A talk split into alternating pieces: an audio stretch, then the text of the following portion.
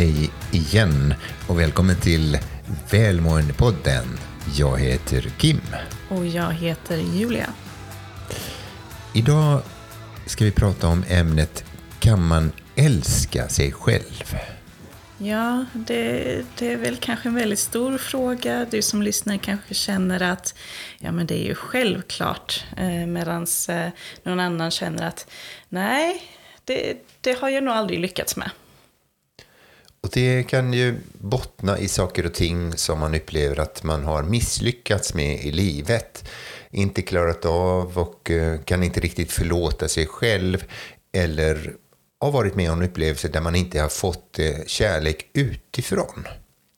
Sen så finns det det här andra diket också. De som predikar och proklamerar om att man ska älska sig själv och alla har väl hört det uttrycket att eh, precis som i flygplanet så ska man ta på sig gasmasken själv innan man hjälper någon annan. Det kan ju bli att man hamnar i i det andra diket och blir väldigt självupptagen och, och eh, tänker bara på sig själv.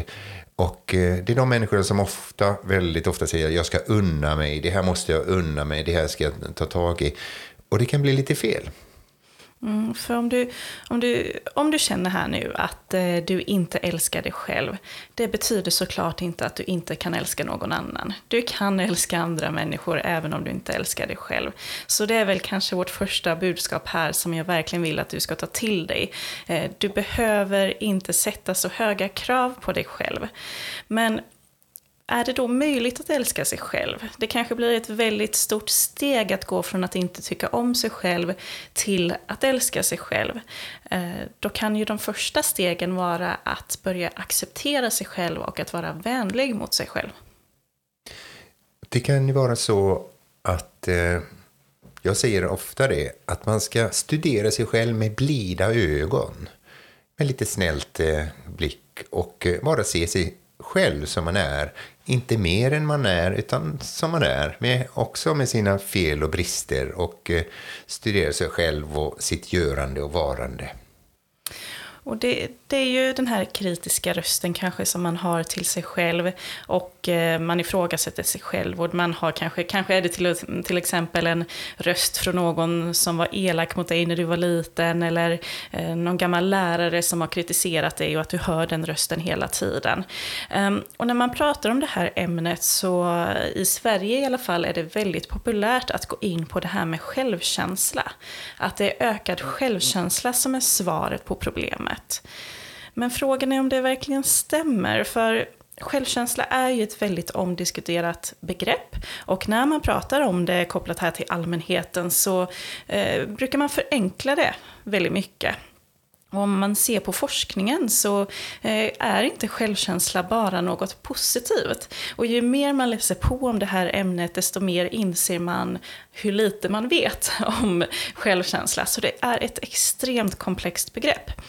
Och bara för att ge ett exempel här, eh, Christine Neff som är en eh, känd forskare. Hon började med att studera självkänsla men bytte sen inriktning. Och jag läste nyligen en artikel som hon berättade om varför, så jag tänkte läsa en del av den, den här artikeln. Hon skriver så här. Efter att ha tagit min doktorsexamen gjorde jag två års doktoral utbildning hos en ledande forskare inom självkänsla. Jag lärde mig snabbt att även om tusentals artiklar hade skrivits om vikten av självkänsla så började forskare nu peka ut alla fällor som människor kan falla i när de försöker få och behålla en hög självkänsla. Fällor som narcissism, självupptagenhet, ilska, fördomar, diskriminering och så vidare. Jag insåg att självmedkänsla var det perfekta alternativet till den obeskrivliga strävan efter självkänsla. Varför? För att det ger samma skydd mot hård eh, självkritik som självkänsla, men utan att vi behöver se oss själva som perfekta eller bättre än andra. Med andra ord ger självmedkänsla samma fördelar som hög självkänsla utan dess nackdelar. Ja, det kan låta lite komplicerat, men så är det faktiskt. Eh, men man, man, man, har kunnat möta människor som har upplevt svåra saker i sitt liv. Det kan vara ett misshandel, det kan vara ett utnyttjande, eh, det kan handla om, om, om eh, bortstöttning och allt möjligt. Och när de kommer till andra sidan så kan man kanske ha hamnat i andra diket och tänker mig först. Och så kan man bli väldigt självupptagen och självcentrerad och väldigt kall mot alla andra. Och då undrar man ibland, med det här allt med självkänslan, vart tog all ödmjukhet vägen? Vart tog eh, all hjälp till andra och blicken till andra människor vägen? Och just det här med självmedkänsla, vi har ju nämnt begreppet medkänsla tidigare och gjort skillnaden mellan empati och medkänsla. Och bara för att, eh, om du inte lyssnat på det avsnittet eller behöver påminnas så är det ju så att empati, det är när du känner den andra personens smärta.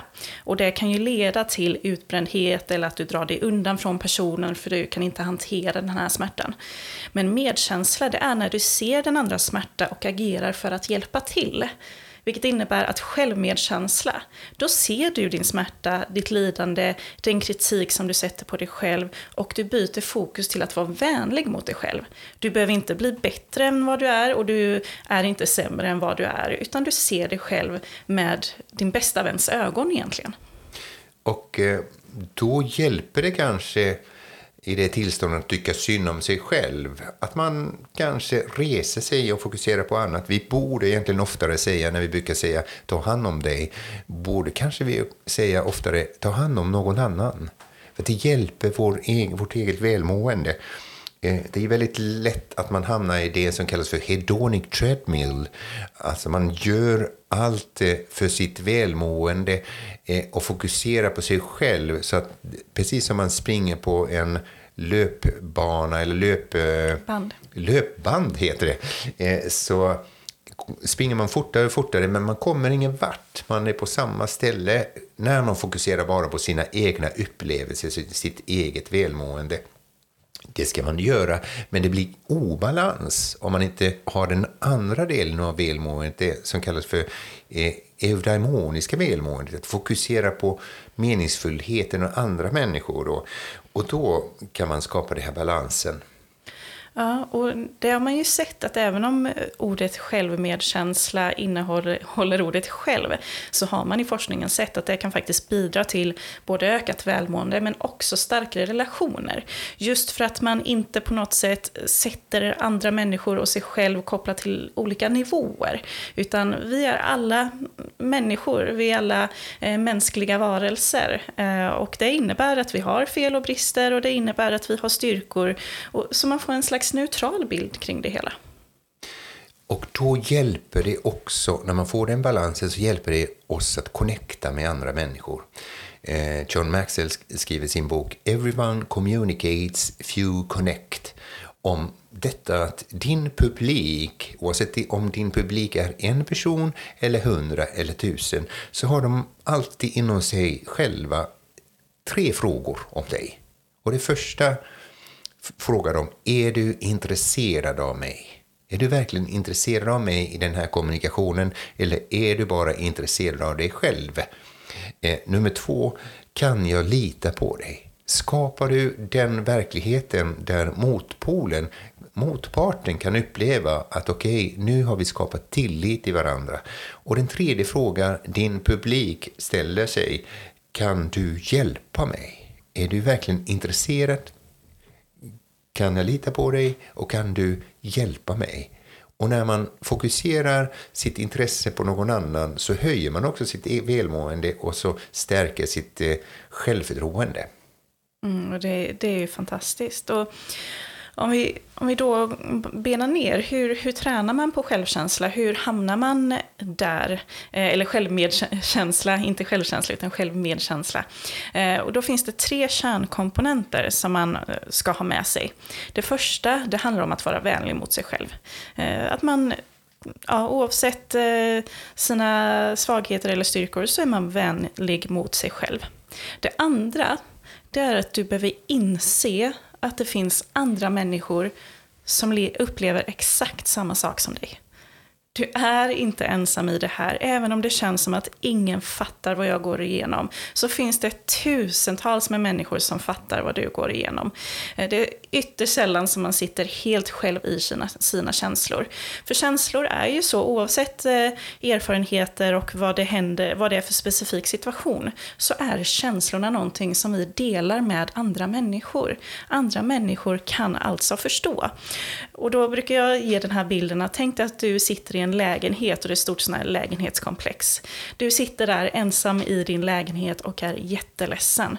Då slår jag vad om att det är tre personer till i det lägenhetskomplexet som gör precis samma sak som dig. Och bara att vara medveten om det, att till och med i närheten som finns det människor som just nu är ledsna, då kan man inse att wow, det, jag är inte ensam i det här.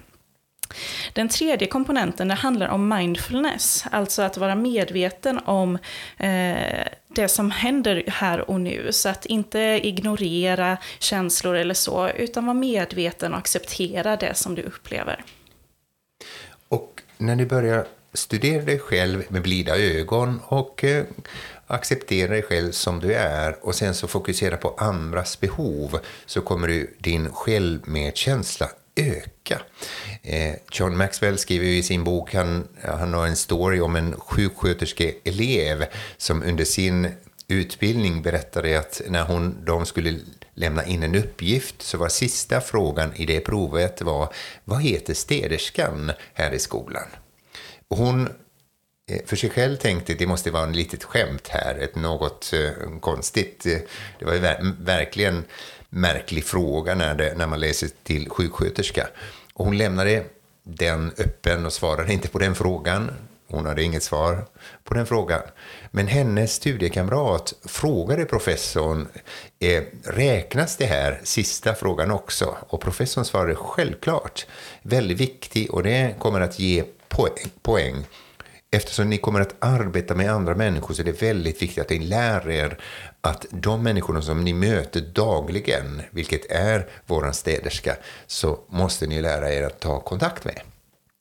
Och hon, eh, den här blivande sjuksköterskeeleven som blev sjuksköterska senare, sa att det var lärdom för livet. Jag kommer aldrig glömma också att hon hette Dorothy.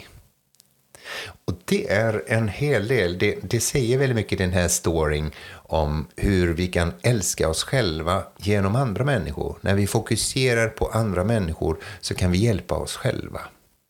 Mm. Så då, då kommer vi kanske till frågan här, kan man älska sig själv? Är det ens möjligt?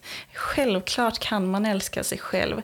Eh, men om man börjar på botten så är det en resa att komma dit. Eh, men ge inte upp hoppet, utan ta det steg för steg. Och känn inte att du behöver vara på topp redan imorgon, utan det kommer ta sin lilla tid.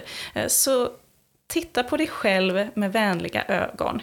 Ehm, och om jag ska tipsa om en liten övning du kan göra som kan vara till hjälp. Då är det så att eh, om du tänker dig att du har en, din allra bästa vän som befinner sig i exakt samma position som du gör just nu. Vad hade du sagt till den här bästa vännen? Kanske är det så att eh, du eh, får nej till eh, jobb som du söker hela tiden. Om det hade varit din bästa vän, vad hade du sagt? Ge inte upp, du har fantastiska styrkor som du kan använda dig utav. Eh, när du väl hittar rätt jobb så finns den möjligheten att du kan visa dina styrkor och den som rekryterar dig kommer kunna se dem och använda de styrkorna. Och försök liksom, vad hade du sagt till din bästa vän? Och så skriver du ner det här i ett brev.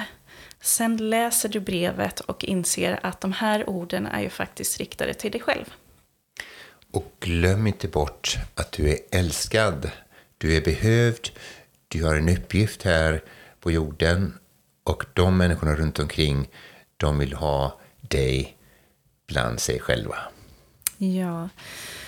Om du vill höra av dig till oss eller ha frågor så vet du att vi finns eh, på Instagram och Facebook där vi heter Välmåendepodden. Eh, skriv gärna till oss med dina tankar och funderingar eller om du har ämnen som du vill att vi ska ta upp. Och vi hörs snart igen.